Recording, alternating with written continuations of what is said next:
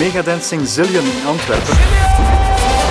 Ooit kwamen naar de Zillion duizenden mensen uit alle hoeken van het land en zelfs van daarbuiten om er te fuiven.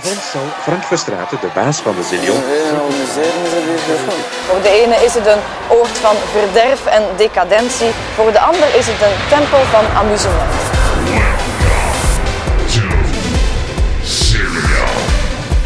Iedereen wilde een keer binnengaan. Er waren zoveel geruchten en zoveel. Dus dat je, het was niet gewoon dan van ik ga een dansje passeren. Nee, nee, je ging wel een, er kwamen natuurlijk veel mensen om gewoon te kijken van wat is deze? Dat had ik nog nooit gezien. Daar was ik ook niet voor gekomen. Ik denk dat ik ook niet lang ben gebleven. Wat ze dan zouden gezien hebben. Ik wil je dat wel zeggen, ze. seks, drugs en rock en roll. De laatste twintig jaar mijd ik pers. Hè. Allee, deze podcast, eh, dat is de one and only one. Ik zeg het u nu maar eerlijk. eh, dit is de one and only podcast van Studio Brussel.